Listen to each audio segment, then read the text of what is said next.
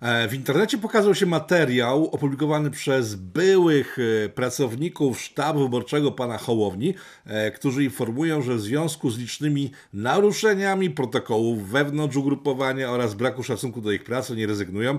Jest ich całkiem sporo. Wideo widzicie za moimi plecami. Nie wiem, czy będzie link na dole, bo nie wiem, czy jeszcze jest w internecie, a nie będę umieszczał na naszych serwerach plików, które nie są naszego autorstwa.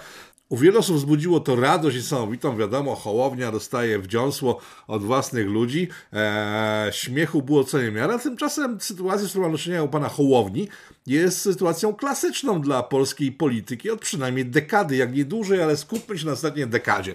Eee, dekadę temu pojawił się pan Palikot, pod sztandarami e, liberalizacji gospodarki dostał się do Sejmu. Przypominam, że on na początku nie mówił słowa o LGBT. E, pan Grocki pojawił się tam nie wiadomo po co tak naprawdę, nie było wiadomo o co chodzi z tym panem, ale, ale wiadomo, że różni wariaci startują, e, swój, ze z ludu, facet, tu ubiera się w ciuchy kobiety, no niech będzie. Ale trzon był skry ale trzon był stricte gospodarczy. E, ludzie głosujący na, na pana Palikota widzieli jego w komisję do spraw gospodarczych, obserwowali jego starania o to, że gospodarka się zliberalizowała, że polskim przedsiębiorcom było lepiej i to był powód, dla którego pan Palikot ze swoją gromadą dostał się do parlamentu. Kiedy już się dostał, nagle ściągnął w maskę w, w człowieka, który zajmuje się gospodarką, zajął się rzeczami, które nikogo nie interesują, czyli tym, kto z kim sypia. Niektórych ludzi to interesuje tak, z kim sypia sąsiad, sąsiadka, ale normalni ludzie się tym nie interesują, więc szybko pan Kapalikot stracił poparcie.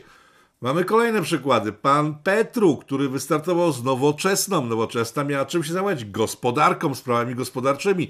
E, dostał się do parlamentu. Teraz ktoś powie, e, Petru wiadomo, że był oszustem. Tak samo jak w przypadku pana Palikota e, i w przypadkach następnych, które za chwilę e, pokażę, sytuacja jest zawsze analogiczna. Oszustem, oszustem, wiadomym oszustem, człowiekiem, który oszukuje, wprowadza w błąd, był dla ludzi, którzy znają się trochę na polityce i wiedzą, że dany osobnik nie ma żadnych szans, bo kłamie, oszukuje, albo nie ma żadnych szans, bo nie ma szans wprowadzić rzeczy, o których mówi. E, to były przykłady właśnie Palikota, Petry i tych, do których zaraz przejdziemy. E, mówić powiecie, że nowoczesna to byli cynicy od początku. Nieprawda. Brałem udział w 2015 w kampanii wyborczej, wtedy startował od Kukiza, o którym też będzie za mało mowa, e, i brałem udział w różnych spotkaniach przedwyborczych, debatach i tak dalej. Pamiętam, na tych debatach pojawiali się ludzie nie z pierwszych list, bo ja też nie byłem z pierwszych list e, Kukiza, tylko te dalsze szeregi się pokazywały e, i to byli ludzie od pana Petru i to byli ludzie 20, 30 lat, którzy e, byli przekonani, że wstępują do ugrupowania zajmującego się gospodarką i że jak się dostaną do parlamentu, to ich ugrupowanie zajmie się gospodarką. E, czym zajęło się ich ugrupowanie po dostaniu do parlamentu? No nie gospodarką, tylko tym samym, co pan Palikot, który po prostu zszedł ze sceny, podobnie jak pan Petru, z podobnych przyczyn, bo w chwili, kiedy wyborcy zorientowali się, że oni się nie zajmują gospodarką, tylko pośladkiem Maryni, odsunęli się od pana P P Petru i został na lodzie. Przechodzimy do następnego gagatka. Pan Kukis. Jak wspomniałem, startowałem z jego list. Powód był bardzo prosty. Pan Kukis otworzył listy dla wszystkich można było się zapisać jak nigdy w historii polskiego parlamentu, no chyba oprócz Polskiej Partii Przyjaciół Piwa, która też jest podobnym e, ewenementem, aczkolwiek wtedy e, ludzie robili naprawdę dużą bekę z polityki. To był chyba ten przykład, że tam się dostało wiele osób, które później okazało, że beki nie robili. Ale na listy pana Kukiza można było się po prostu zapisać. Przejść egzamin, był egzamin, była taka komisja, która siedziała, przyjmowała potencjalnych kandydatów i tam pytali, co myślicie? I teraz uwaga, co myślisz o wolnym rynku, co myślisz o gospodarce, e, co myślisz o Jowach, oczywiście to, tak, to klasyczne pytanie musiało wtedy być, co sądzisz o naprawie państwa? I kiedy wszystko już szło dobrze. Pamiętam w Lubinie, to jest taka miejscowość nieopodal Wrocławia, zebrał się kongres e, pana Kukiza i tam przyjechali wszyscy koordynatorzy z całej Polski którzy to koordynatorzy mieli określić plan działań na wybory, bo to było przed wyborami. I wydarzyło się dokładnie to samo, co u pana Hołowni. Nie wiem, jak było u Petru i u Palikota, być może było tak samo, ale nie pamiętam tego, więc nie będę teraz e, wymyślał w sytuacji analogicznych.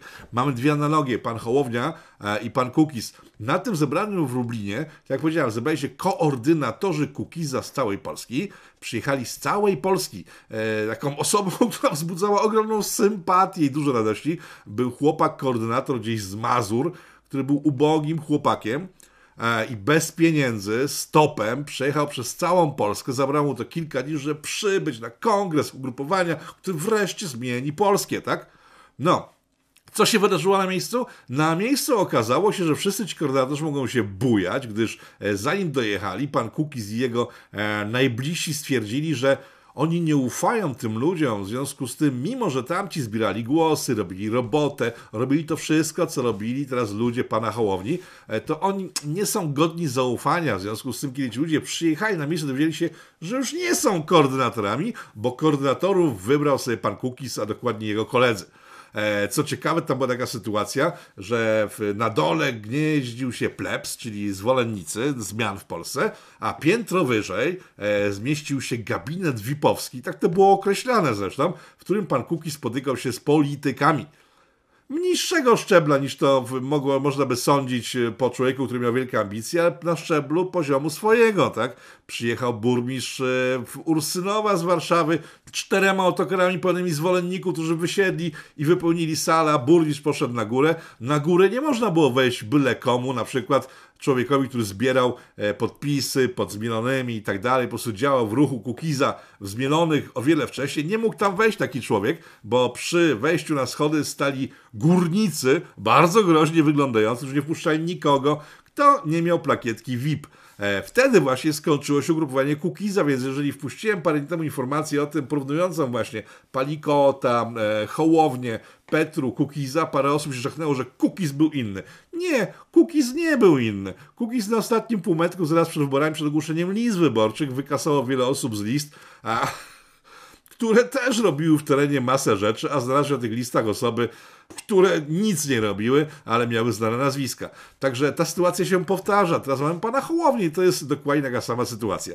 Dlaczego o tym wszystkim mówię? Nie bo to, że po prostu wylać żal na pana Kukiza, bo mam tak głęboko e, w poważaniu to, co się wydarzyło. To już wtedy było śmieszne i wiele osób, z którymi wtedy rozmawiałem, dokładnie podzielało moje zdanie, że to się skończyło wtedy właśnie, e, w tym Lubinie, kiedy pan Kukiz pokazał faka e, wszystkim zwykłym ludziom, którzy budowali mu grupowanie. I nie mówię po to, że właśnie powiedzieć, że pan Kukiz jest straszny, bo nie w tym rzecz, nie mam żadnych osobistych rozmów z panem Kukizem.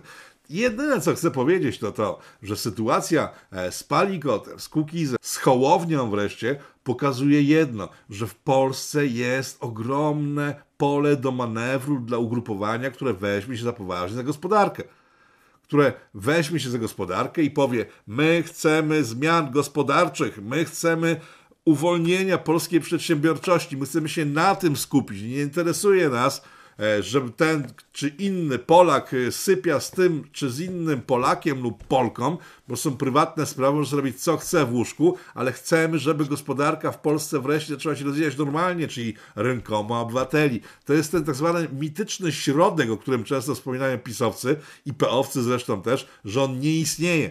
On istnieje i łatwo go policzyć. Bo jeżeli zobaczycie sobie wyniki właśnie tak Palikota, Petru, Kukiza, który zebrał naprawdę gruby, gru, gru, gruby elektorat, e, czy Hołownię, który w tej chwili rośnie, a za chwilę pewnie się rozbije tak pozostali, bo odejdą od niego ludzie, którzy chcą zmian w Polsce.